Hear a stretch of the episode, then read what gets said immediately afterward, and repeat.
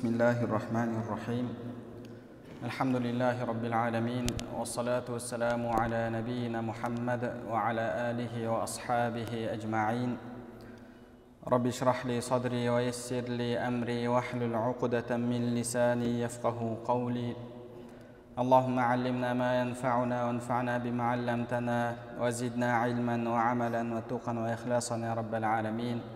أما بعد السلام عليكم ورحمة الله وبركاته иншаллах алла субханала тағаланың қалауымен нәпсін тәрбиелеу тақырыбындағы дәрістерімізді ары қарай жалғастырамыз біз сіздермен адамның дінде жететін дәрежелерінің бірі болған тәуекел мақамын тәуекел дәрежесін үйреніп жатырмыз және өткен дәрісіміздің соңында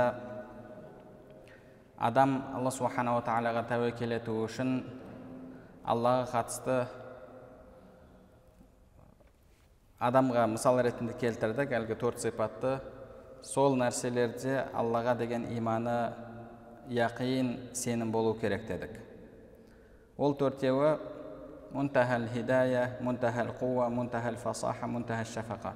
Яғни бір адам сіздің атыңыздан бір іске қатысатын болса сіз ол адамға ісіңізді тапсырған кезде төрт нәрсені қарастырасыз. Біріншісі оның сол саланың нақты маманы болуы.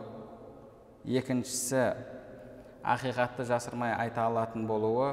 Үшіншісі тілінде шешендік болып ойын толық жеткізе алатын болуы. Және төртіншісі сізге жаны ашитын адам болуы дедік.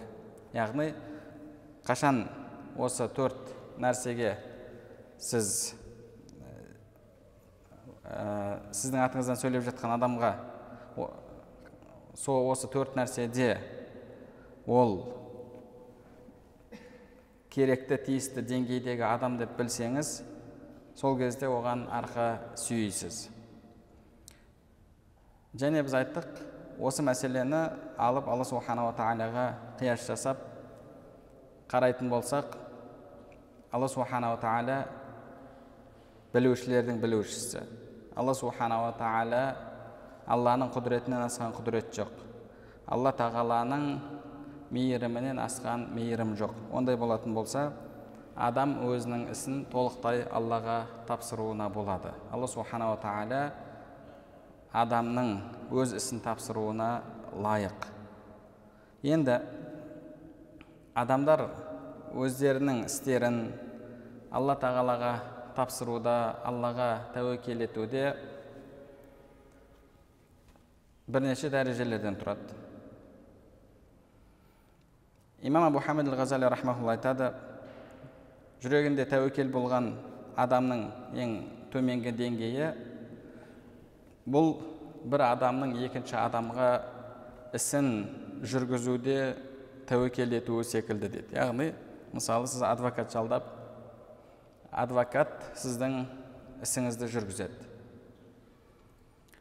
Сіз маманы таңдайсыз дұрыс жеткізе алатын адамды таңдайсыз. Және менің осы істі жеңіп шығуыма ол мүдделі деп сенесіз. Сол үшін оған арқа сүйейсіз тәуекел етесіз яғни ісіңізді соған тапсырасыз. Бірақ ісіңізді тапсыра отыра сізде бір алаңдаушылық болады. Немесе оған ісіңізді тапсырған кезде сізде бір мен соған тапсырып жатырмын ісімді деген бір сезім болады. Яғни жүрегіңізде мен осыған ісімді тапсырып жатырмын осы ісімді реттейді иншалла деген бір сезім тұрады бірақ бір алаңдаушылық болады бұл төменгі деңгейдегі тәуекел ету одан жоғарғы деңгей мұсылман адамның бойында табылу керек болған тәуекел имам хамид ғазали рахмауллах оған кішкентай баланың мысалын келтіреді кішкентай бала адам алла тағаламен мәмілесінде аллаға тәуекел еткен кезде сол кішкентай бала секілді болу керек деді нәресте сияқты. Нәресте анасынан басқа ешкімді білмейді. Жыласа анасын іздейді қарны ашса анасын іздейді не болса да анасын іздейді анасын таниды анасының етегіне жабысады анасынан басқа ешкімді танымайды. Шынайы алла субханала тағалаға тәуекел еткен адамның жүрегі де тура сондай болуы керек. Яғни кез келген жағдайда алла субханала тағалаға арқа сүйейді алла тағаладан сұрайды алла тағалаға дұға етеді. Оның жүрегі алла субханала тағалаға байланған. Әлгі кішкентай бала сияқты. Ол баланы білесіздер кез келген жағдайда өзінің анасын іздейді. Одан да жоғары деңгей дейді оған имам абу хамид ғазали рахимахулла тағы да нәрестенің мысалын келтіріпті. Бірақ нәрестенің мысалын келтіргенде енді нәрестеде ондай сезім болады ма болмайды ма аллаху әлем мысалы бала жыламай тұрып егер бір жағдай болып қалса анасының немесе әкесінің оның проблемасын шешіп беретінін не болып қалса да солардың бар екенін біледі. Яғни ол бала жыламай тұрып оған сүт беретінін біледі ол бала оны іздемей тұрып оны өзі алып құшағына басатынын біледі. Яғни іздемей жатып сол нәрсені біледі дейді. Іздемей жатып өзі яғни басына іс түскен кезде іздемейді. Жалпы яғни не нәрсе болса да ол жерде менің әкем бар анам бар соны шешетін әйтеуір маған қамқорлық жасайтын деп сондай сезімде болады дейді бала. Үшінші деңгейдегі адам осындай деді яғни ол алла субханала тағалаға толықтай өзінің ісін тапсырып қойған. Алла тағала маған нені таңдаса сол хайырлы алла субханала тағала маған нені берсе сол хайырлы деп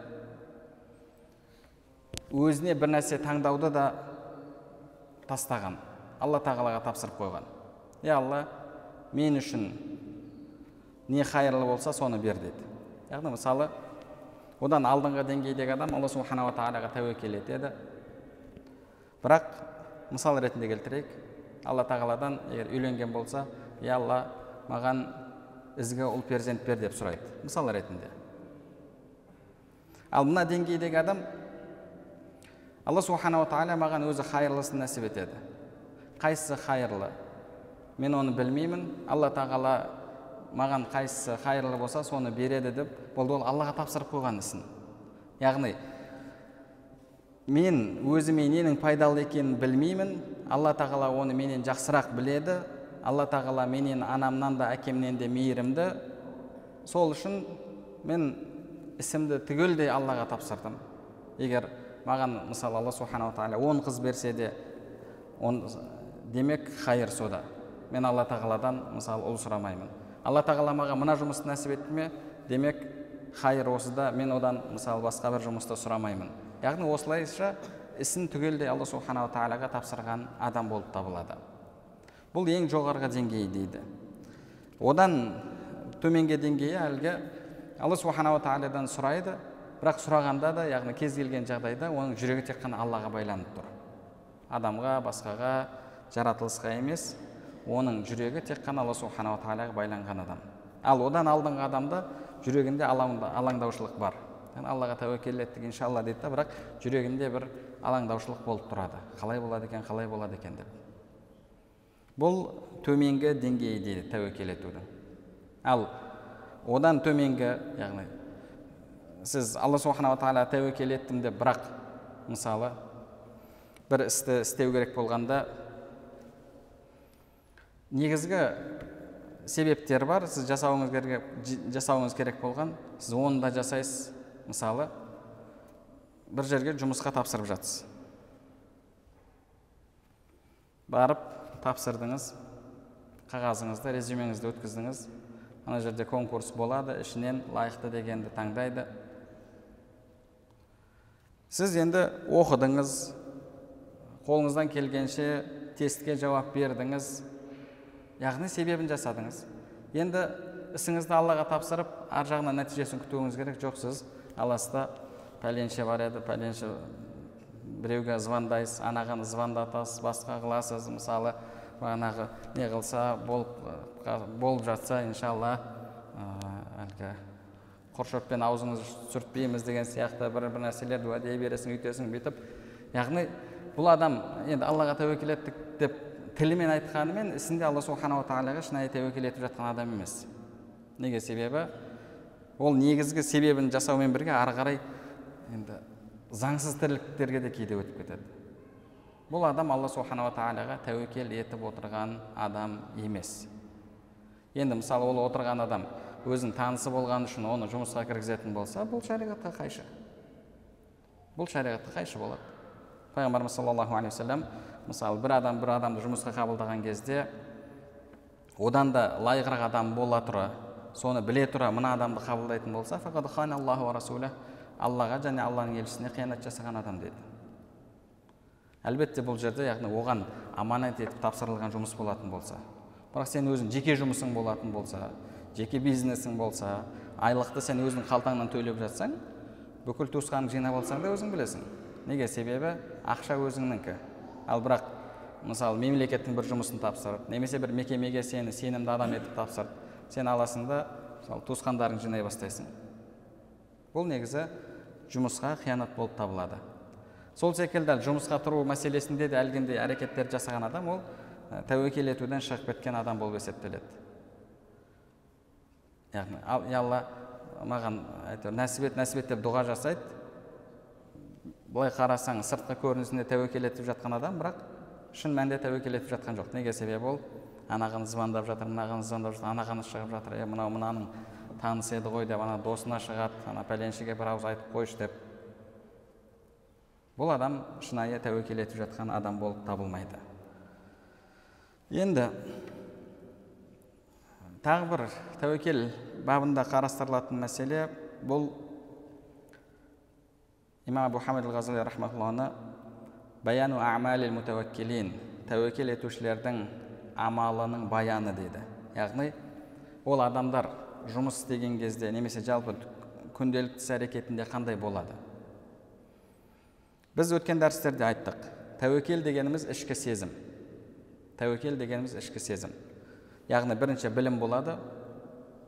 Сіз белгілі нәрселерді білесіз.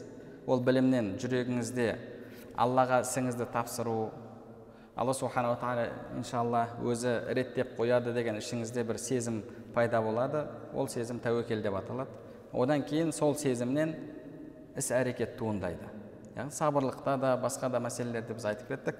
Барлығы үш нәрседен тұрады дедік. Бірінші білім. Мысалы сабырлықта сіздің білуіңіз керек болған нәрселер бар. Сабырлықтың абзалдығы ол істің мүмкін сізге қайырлы болуы ол іске сабырлық ететін болсаңыз иншалла алла субханала тағаланың сізге сауап беруі сіз осының барлығын білген кезде жүрегіңізде әлгі сабырлық сезім пайда болады.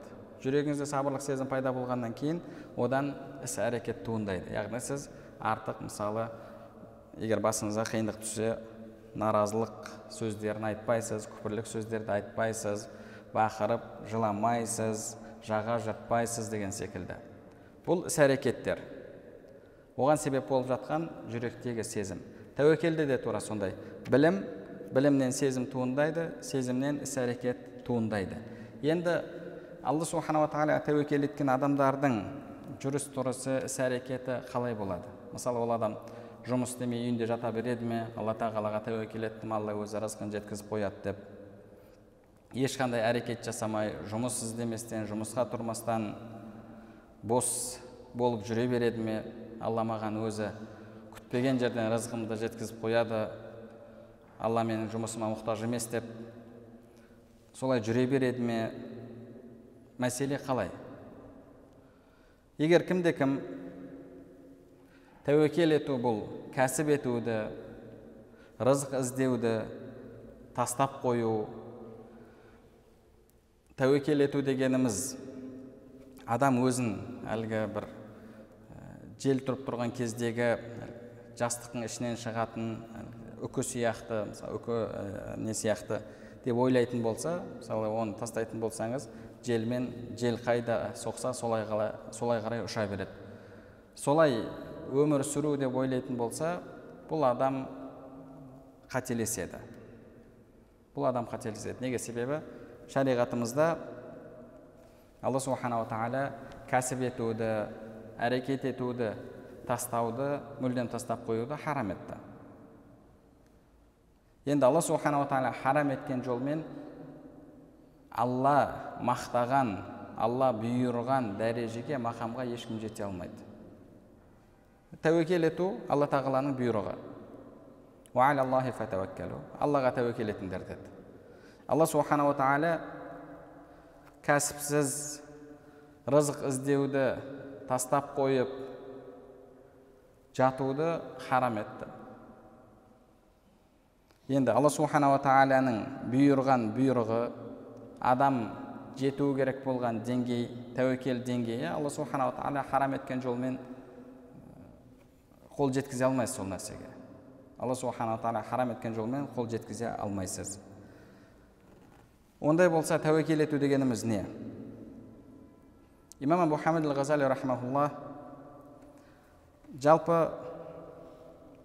адамның ісі төрт нәрсеге бағытталады дейді біріншісі өзінде жоқ болған пайдалы нәрсеге әрекет ету.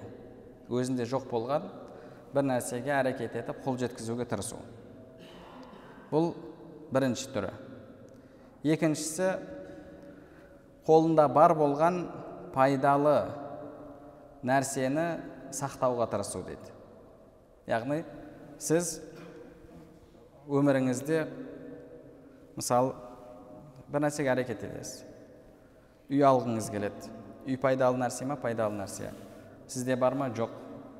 Сол жоқ нәрсені қолға түсіруге әрекет етесіз. Бұл әрекетіңіздің бірінші түрі. Екінші түрі енді бар нәрсені сақтауға тырысу. Бар нәрсені сақтауға тырысу. Пайдалы нәрсені. Мысалы бағанағы үйіңіз болса үйіңізге су кіріп кетпеу үшін бір әрекеттерді жасайсыз мысалы дуал тұрғызасыз есігіңізді қалыңдау қылып жасатасыз құлып саласыз деген секілді. Екіншісі бар нәрсені сақтап қалуға әрекет жасау. Үшіншісі әлі басыңызға түспеген зиянның алдын алуға әрекет жасау. Әлі басыңызға түспеген зиянның алдын алуға әрекет жасау. Мысалы сіз бір дәрілерді ішесіз. Не үшін десе бұл мына нәрседен сақтайды адамды мынандай аурудан сақтайды мына нәрсеге пайдалы. Сіз сол нәрсемен ауырып жатсыз ба? Жоқ ауырып жатқан жоқсыз. Бірақ соның алдын алып жатсыз яғни ауырып қалмайын деп. Мынаны ішсең иммунитетің күшейтеді екен мынаны ішсең әлгі бауырыңды жақсартады екен былай істесең бағанағы омыртқаңа жақсы екен деп бір әрекеттерді жасайсың. Яғни әлі келмеген зиянның алдын алу.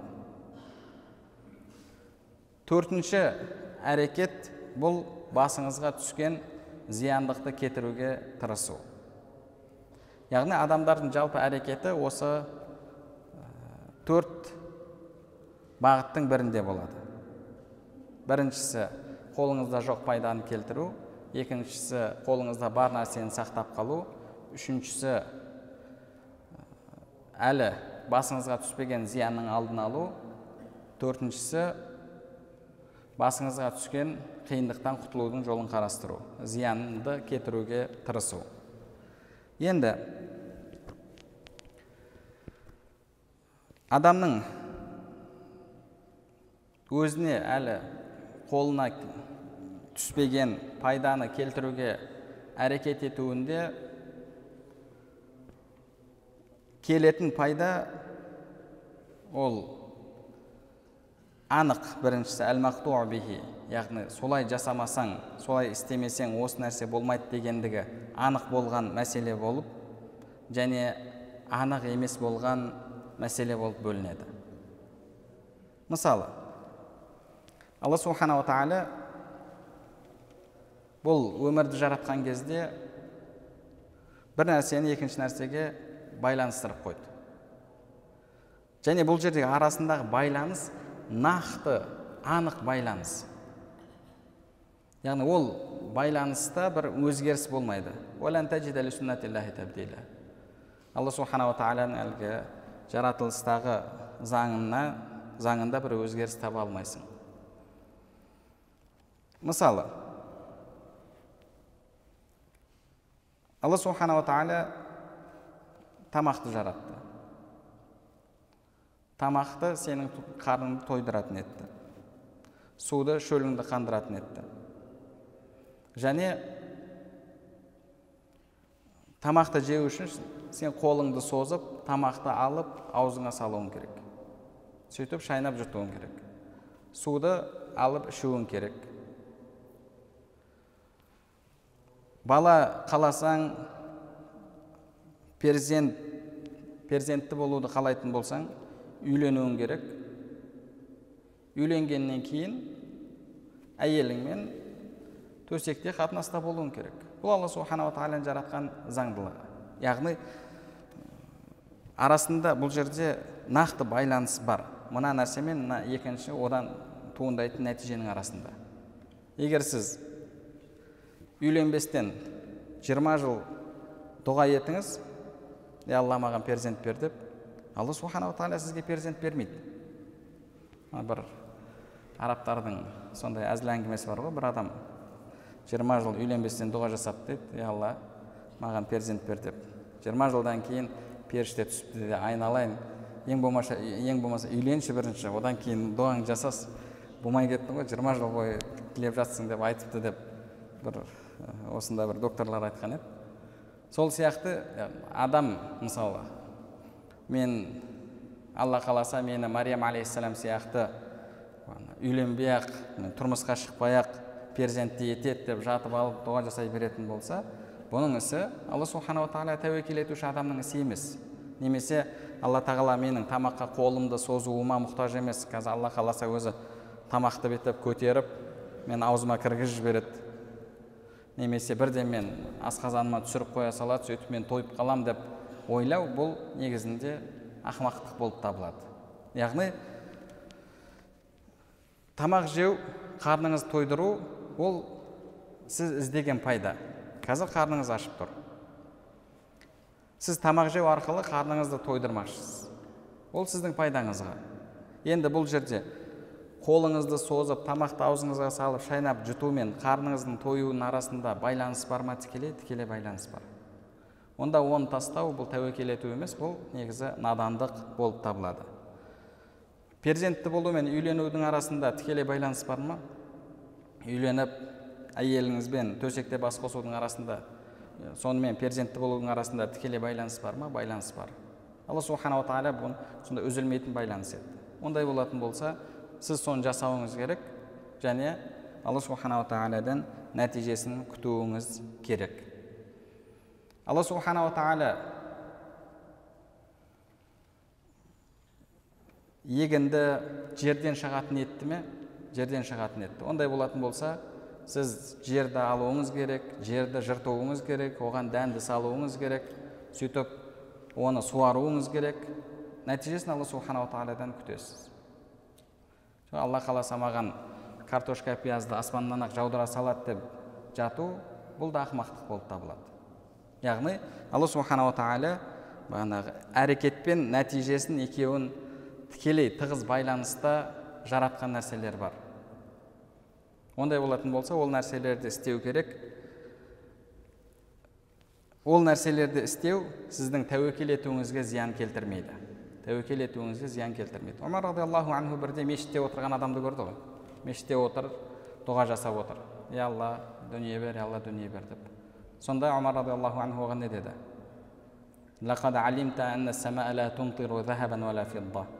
алла тағала аспаннан саған алтын немесе күміс жаудырмайды деді тұр бар әрекетіңді жаса деді тұр бар әрекетіңді жаса деп омар радиаллаху анху оны мешіттен шығарып жіберді яғни адам әрекетін жасауы қажет алла субханала тағала оған иншалла сол әрекетінің нәтижесін береді. Енді бұл жерде адам тәуекел еткен кезде тамақты алла субханала тағаланың жаратқанын рызықты алла тағаланың жеткізгенін қолыңызды алла тағала жаратқанын және алла қаласа сол қолыңызды істетпей қоятынын сол қолыңызбен тамақты жеуіңіз де барлығы алланың арқасында екенін білу үйленгенмен әйеліңізбен қосылғанмен алла тағала бермесе перзенттің болмайтынын білу барлығы алланың қалауымен болып жатқандарын біліп жүрегіңіз соған байланып тұрса онда сіз бұл әрекеттерді жасай бересіз. Бұл әрекеттер сіздің тәуекеліңізге ешқандай нұқсан келтірмейді. Ешқандай нұқсан келтірмейді. Яғни бұл жерде сіз тек қана әлгі дұрыс ақидада дұрыс сенімде болуыңыз керек. Енді екінші дәрежедегі амалдар. Имам мұхаммед ғазали рахмаулла айтады. Бұны қалай не деп атайды? Яғни сіз бір нәрсені жасайсыз бірақ оның нәтижесі анық арасында тікелей бір байланыс бар. Олсыз болмайды деп айта алмайсыз. Бірақ негізінде көп уақытта соған байланысты болады. Имам абу хамид ғазали рахмаулла оған мынандай мысал келтіреді. Бір адам сапарға шықса сапарға шыққан кезде жол азығын алмай шықса ол адам алла тағалаға тәуекел еткен адам болып табылады ма? Немесе әлгіндей ақымақтық жасаған адам болып табылады ма? Мәселе қалай? Имам абу хамид ғазали айтады. Егер адам аштыққа үйренген болса деді. Аштыққа үйренген болса. Алдыңғы уақытта көптеген осы тасауф саласында жүрген зухудқа кеткен адамдар өздерін аштықтыққа жаттықтыратын болған. Кейде мысалы бір апта тамақ жемей жүреді тек қана су ішіп жүре береді. Ондай біздің кезімізде де бар. Кейде мысалы он күндеп тек қана су ішіп жүре беретін кісілер бар. Қазір мысалы кейбір кісілер бар оларды көпшілігіміз танимыз. Кейде сондай арнайы ә, неге өтеді сондай режимге өтеді. Кейбір кісілер бар осы дін саласында жүрген. Он күн он бес күн тек қана су ішіп жүреді. Яғни сол нәрсеге жаттыққан. Енді бұл тек қана суын алды да тамағын алған жоқ. Тамағын алмай шығып кетті. Бұл адамның ісі өзін құрдымға кетіру болып табылады ма? Егер жол азығын алып шығатын болса онда ол міндетті түрде аман қалады ма жолда? Екеуінің арасында тікелей бір байланыс бар ма? Адам жолда тамағын жоғалтып алуы мүмкін. Жолда оны қарақшылар тонап кетуі мүмкін. Егер тамақсыз шыққан болса жолда бір адамдарды кездестіріп қалып солар оған тамақ беруі мүмкін. Яғни бұл жерде мысалы тамақ алып шықсаң міндетті түрде тоқ боласың сен көздеген жеріңе аман жетесің тамақ алып шықпасаң міндетті түрде өлесің деген нәрсе жоқ. Яғни екеуінің арасындағы байланыс тығыз емес. Имам абу хамид ғазали айтады бұл жерде тамақ алып шықсаң бұл жалпы сүннәтул әуәлин алдыңғылардың сүннеті алдыңғылардың жолы дейді құранда алла субханала тағала жол азығын алыңдар деді.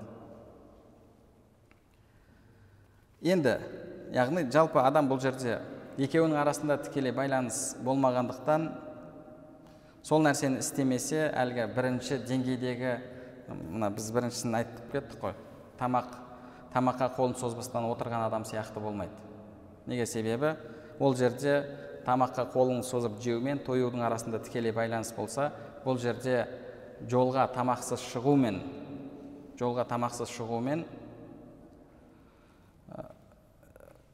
өліп қалудың арасында бір тікелей байланыс жоқ. Тікелей байланыс жоқ. Алдыңғы танымал сопылардың бірі ибраһим әл хауас жолға шыққан кезде аштыққа жалпы өзін тәрбиелеген адам болған. Су алады екен мысалы апталап жүретін жер бар су алады кейін арқан алады арқан басында несі бар әлгі ыдыс бір нәрсе байлауға келетін және одан кейін ине алып алады екен не үшін бұлай істейді жолда мысалы бір құдық кездестіріп қалады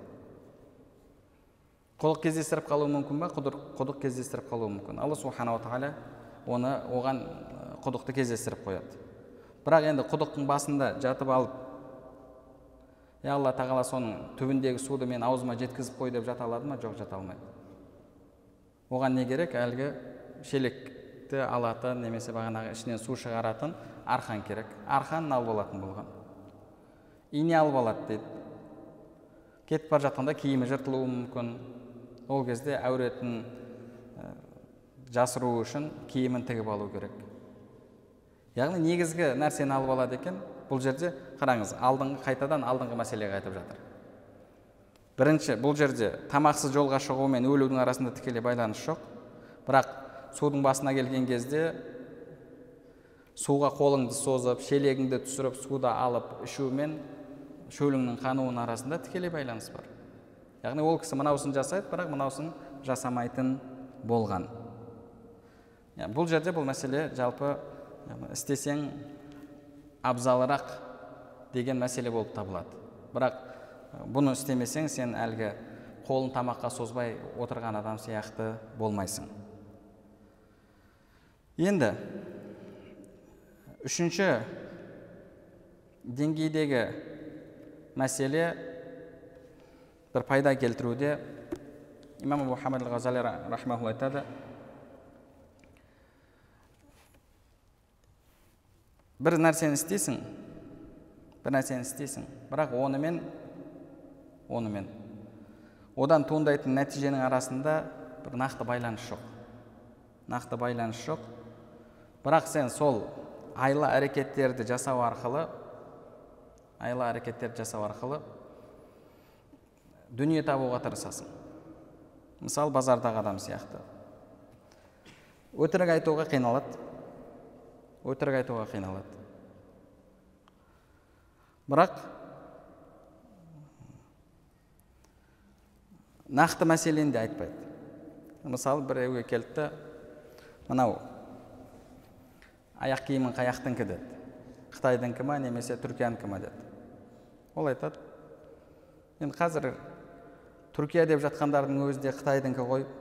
Бірақ қытайдың өзінікінің де жақсысы бар жаманы бар ғой дейді ол айтып жатқан жоқ менікі жаманы немесе менікі нақты заводскойы басқасы деп. Бірақ ана адамға сондай ой келіп жатыр. Е бұнікі қытайдікі бірақ қытайдікінің ішіндегі сапалысы деген ой келіп жатыр. Бұл енді бұл жерде харам сөз айтты ма? Негізінде былай қарасаң харам сөз емес. Негізі шынында да көптеген зат қытайдікі түркияның өзіне қытайдың заттары кіріп кетті.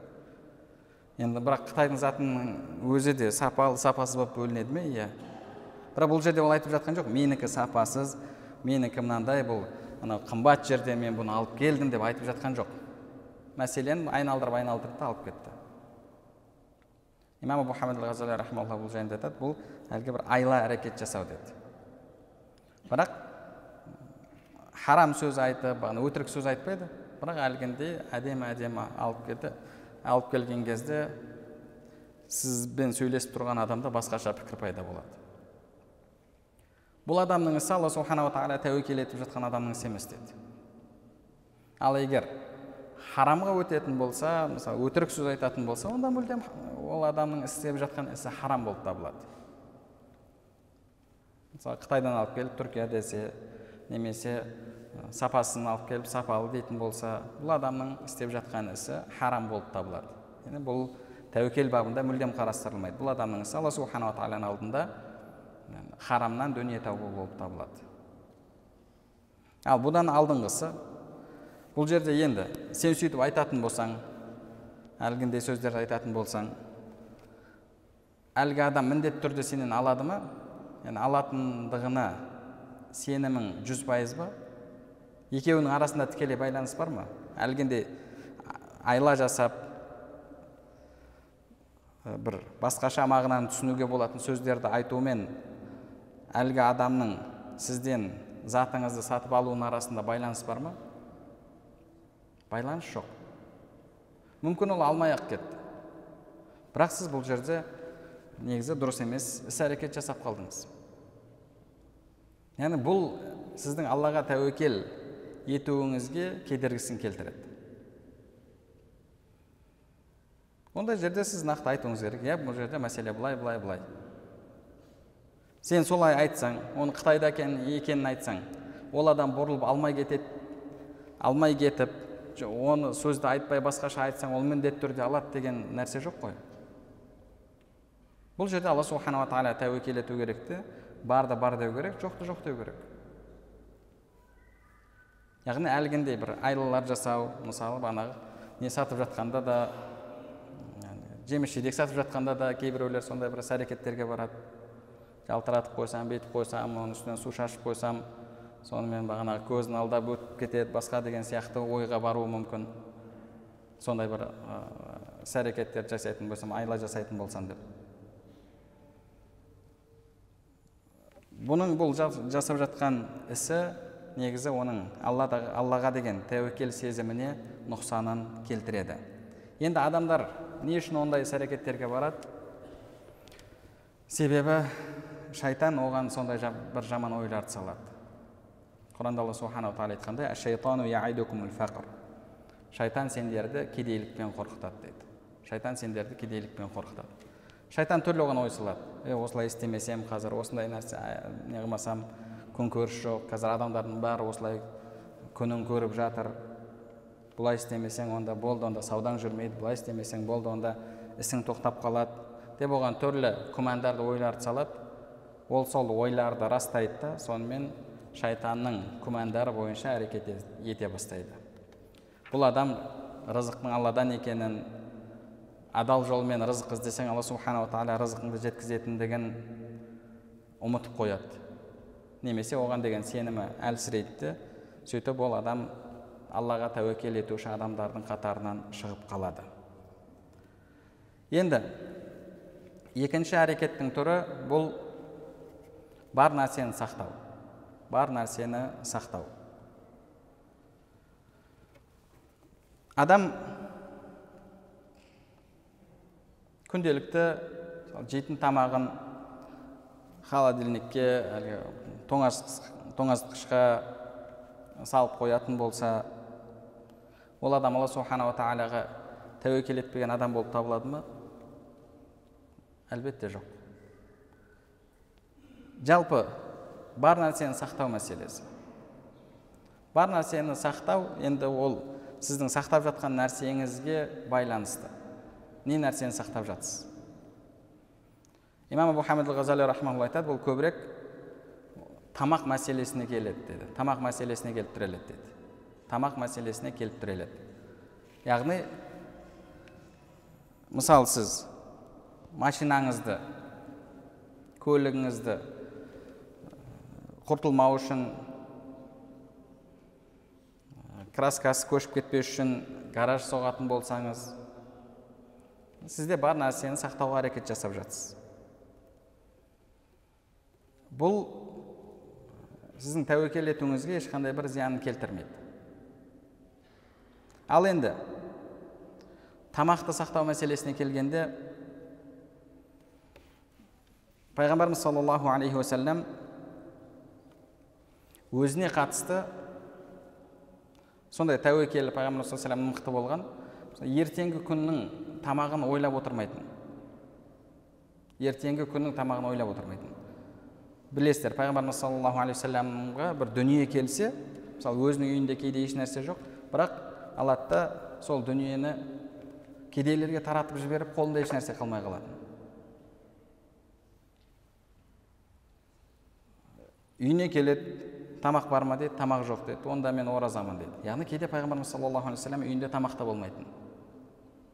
Пайғамбарымыз саллаллаху үйінде тамақ та болмайтын.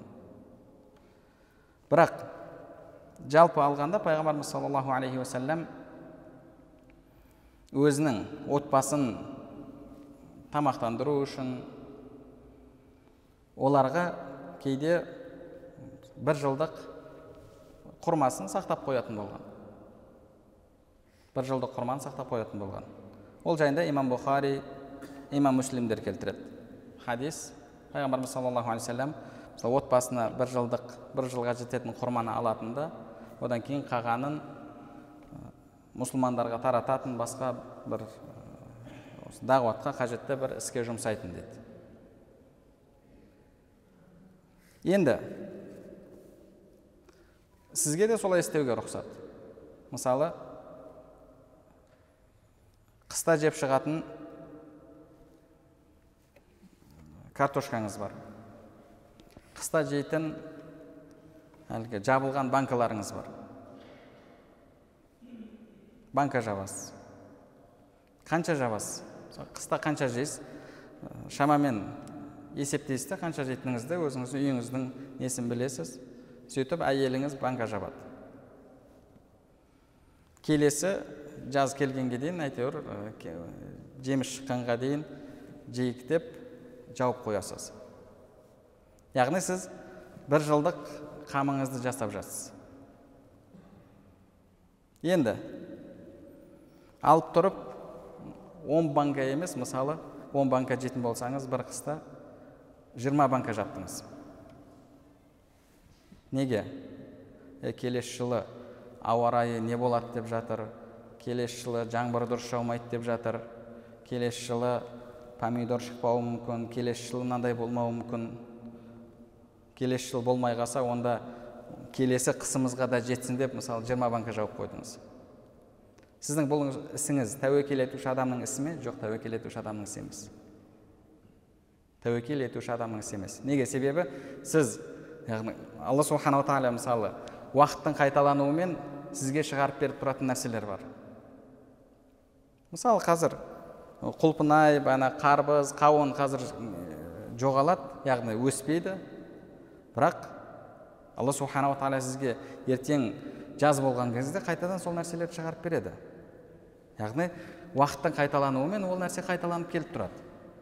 Енді сізде алланың соны сізге жеткізетіндігіне күмән туындады да келесі жылға жетпей қалса келесі жыл болмай қалса онда келесі қысқа мысалы банкамыз жетсін дедіңіз де жиырма банка жаптыңыз.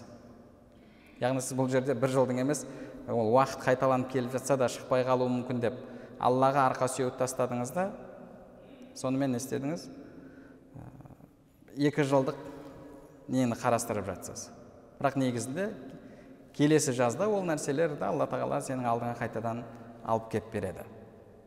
Яғни уақыттың қайталануымен алла тағала саған жеткізіп тұратын нәрселерде күмәнданып артығырақ сақтау бұл негізгі адамның алла тағалаға тәуекел етуіне нұқсанын келтіреді. Бірақ сіздің істеп жатқан ісіңіз шариғат тұрғысынан енді харам үлкен күнә істеп жатсыз ба? Жоқ. Бірақ сіз әлгі шынайы аллаға жүрегі байланған аллаға шынайы тәуекел еткен адамдардың қатарында емессіз.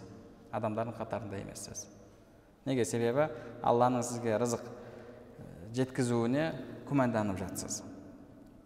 Енді бұл екінші мәселе. Енді үшінші әрекет болмаған сізге әлі жетпеген зиянның алдын алу. Мысалы бір нәрсені істемесең саған зиян жетеді.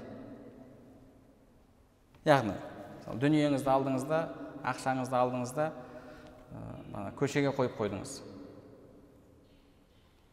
Алла тағала өзі сақтайды аллаға тәуекел еттім дейсіз. Бұл ісіңіз дұрыс па? Дұрыс емес. Бұл ісіңіз дұрыс емес алла субханала тағала яғни сақ болыңдар деді пайғамбарымыз саллаллаху алейхи уассалам түйеңді байла да тәуекел ет деді яғни бұл нәрсе жалпы бір зиянның алдын алу негізі шариғатқа қайшы емес шариғатқа қайшы емес және ол істі істеу арқылы сіз аллаға тәуекел етпейтін адамдардың қатарына кірмейсіз құранда алла субханала тағала намазда тұрған кезде әлгі хауф намазы дұшпандармен кездескен кезде оқылатын намаз. Сол кезде намазды бізге басқаша етіп алла субханала тағала жүктеді. Мысалы бір топ бірінші намаз оқып алады қалғандар күзетіп тұрады. Одан кейін екінші топ намаз оқиды мыналар күзетіп тұрады. Сол жерде де қару жарақтарын жанында алып тұрсын деді. Неге? Себебі сен әлі келмеген зиянның алдын алып жатсың. Бірақ ол келіп қалуы мүмкін ғой. Жоқ алла қаласа ол келмейді. Алла қаласа ол ешқандай зиян келтірмейді деп тастап қойып мысалы қару жарағың басқа жақта өзің басқа жақта тұрып намаз оқуыңа ондай жағдайда болмайды. Және қару жарағыңды алып тұруың әлгіндей формада намаз оқуың сенің тәуекеліңе ешқандай нұқсанын келтірмейді. Пайғамбарымыз саллаллаху алейхи вассалам мединеге кетіп бара жатқан кезде білесіздер. Әдеттегі жолмен жүрген жоқ басқаша жолмен жүрді үңгірде үш күн тығылып жатты. Сондай әрекеттер жасады. Жоқ мен аллаға тәуекел еттім болды кеттім деп кетіп қалған жоқ. Яғни әлі болмаған бір зиянның алдын алу. Бұл шариғатымызға қайшы емес. Пайғамбарымыз саллаллаху алейhi келетін хадис бар. Мысалы кім биік жерде жатып яғни жан жағында ешқандай қоршау жоқ жерде жатып құлап түсіп өлетін болса ол адам алла тағаланың алдында күнәһар. Ол өзін өлтірген адам болып есептеледі. Немесе әлгі мысалы арықтың ішіне жатып алып ұйықтадың. Су келіп қалуы мүмкін. Жоқ алла қаласа өзі мен сақтап қояды деп арықтың ішіне жатып алып ұйықтау бұл да өзін құрдымға кетіру болып табылады. Яғни бұл нәрселерді істеу солай істесем тәуекел еткен болам деп есептеу негізі қателік болып табылады. Ал енді төртінші әрекет бұл сіздің басыңызға түскен зиянды кетіру. Мысалы шөлдеп тұрсыз шөлдеп тұру шөлдеп тұрсыз ба онда шөліңізді не кетіреді? Су кетіреді. Су ішу. Су ішсеңіз алла субханала тағала суды ішу мен шөлдің басылуының арасында тығыз байланыс жаратып қойды. Оны істеу. Сіздің тәуекеліңізге қарсы ма? Жоқ тәуекеліңізге қарсы емес. Тәуекеліңізге қарсы емес. Енді нәтижесі нақты емес мәселе бар. Мысалы емделу. Емделу. Емделудің өзі адамның тәуекел етуіне қарсы емес. Неге себебі пайғамбарымыз саллаллаху алейхи вассалам о алланың құлдары емделіңдер алла тағала дертті жаратты және оның емін де жаратты деді. Яғни сіздің емделуіңіз тәуекел етуіңізге қарсы емес. Бірақ ол жерде де ем алланың қолында ем дәріде емес. Алла субханала тағала тек қана бұны бізге солай яғни әрекет ету үшін жаратып берген нәрсе деп жүрегіңіз алла субханала тағалаға байлануы керек. Алла субханала тағала байлануы керек. Бірақ енді емделуде емделуді тастайтын болсаңыз сіз күнәһар болып есептелесіз бе? Суды ішпей шөлдеген кезде жоқ мен тәуекел етемін деп шөлде өліп қалсаңыз алла тағаланың алдында күнәһар болып табыласыз. Бірақ ауырып қалдыңыз. Ауырып қалған кезде емделмесеңіз емделу дегенде яғни мысалы нақты бар бір дәрі ішу бір операция жасау керек болса сол операцияны жасатпадыңыз сіз алла субханала тағаланың алдында күнәһарсыз ба? Жалпы ғұламаларымыз аурудың да түрін бөледі. Мысалы егер сіздің ауруыңыз басқаларға зиян келтіретін жұқпалы ауру болатын болса онда сіз емделуге міндеттісіз себебі басқа біреулерге зиян келтіруіңізге болмайды.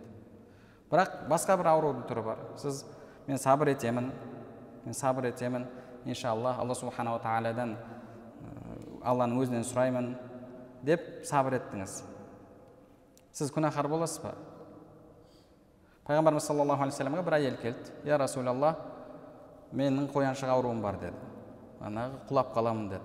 Пайғамбарымыз саллаллаху айтты қаласаң сабыр ет саған иншалла жәннат болады деді.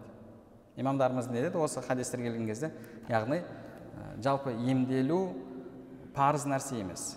Емделу парыз нәрсе емес. Бірақ енді бұл жерде де жалпы адам пайда мен зиянды салыстыру керек. Пайда мен зиянды. Мысалы жас жігіт емделмей жүріп ол өзінің дініне үмбетіне қандай пайда келтіре алады? Мысал ретінде. Емделетін болса қандай пайда келтіреді? Яғни ол мәселелерді негізі адам салыстырып көру керек. Бірақ емделу керек дегенде ғұламаларымыз бар. Яғни бұл жалпы ғұламаларымыздың арасында тартысты мәселе болып табылады. Ал енді кәртейген адам болды енді жасым келді алланың берген дерті мен сабыр етемін иншалла десе ол адам алла тағаланың алдында күнәһар болып табылмайды. Алла тағаланың алдында күнәһар болып табылмайды. Енді басына ауру түскен дертке шалдыққан адам. Ауруын біреуге айтатын болса оның айтуы дәрігерге емделу үшін айту болуы мүмкін немесе біреуге жағдайын шағымданып айтуы мүмкін. Дәрігерге емделу үшін айтқан адам аллаға тәуекел етушілердің қатарынан шықпайды. Ал адамға шағымданған адам аллаға тәуекел етушілердің қатарынан шығып қалады. Яғни сізге бір адам келді мысалы ол дәрігер емес сізді емдейін деп жатқан жоқ. Жағдайың қалай деп еді? Ой субханалла жағдайым қиын кеше түнімен ұйықтай алмай қиналып шықтым үйтіп шықтым мына жерім қақсады мына жерім сырқырады ол сізге не істей алады? Не үшін оған шағымданып жатсыз? Сізді ауыртып жатқан алла субханала тағала неге алланың ісін сіз адамға шағымданып жатсыз? Ондай кезде адам фасабрун жәмил яғни көркем сабырлық танытуы керек. Сабрун жәмил деген аяттың тәпсірінде ғұламаларымыз яғни ла шағымданбай. Адамдарға құлдарға шағымданбай сабырлық таныту деп те түсіндірген. Яғни орынсыз адамдарға проблемаларыңызды айту бұл ісіңіз сізге анаңыздан да мейірімді болған алла тағаланы алла тағаланың үстінен адамдарға шағымданған сияқты боласыз. Бұл ісіңізбен сіз алла субханала тағалаға тәуекел етуші адамдардың қатарынан шығып қаласыз. Яғни бұл жалпы тәуекел ету және амал етудің арасындағы байланыс байланысқа қатысты мәселелер болды. Иншалла осымен тәуекел бабы тамам өзінің мәресіне жетеді. Алла нәсіп етсе келесі дәрісімізде басқа бір мәселені қарастыратын боламыз. Алла субханала тағала бәрімізге пайдалы білім нәсіп етсін білімдерімізге амал етуімізді және амалдарымыздың қабыл болуын нәсіп етсін.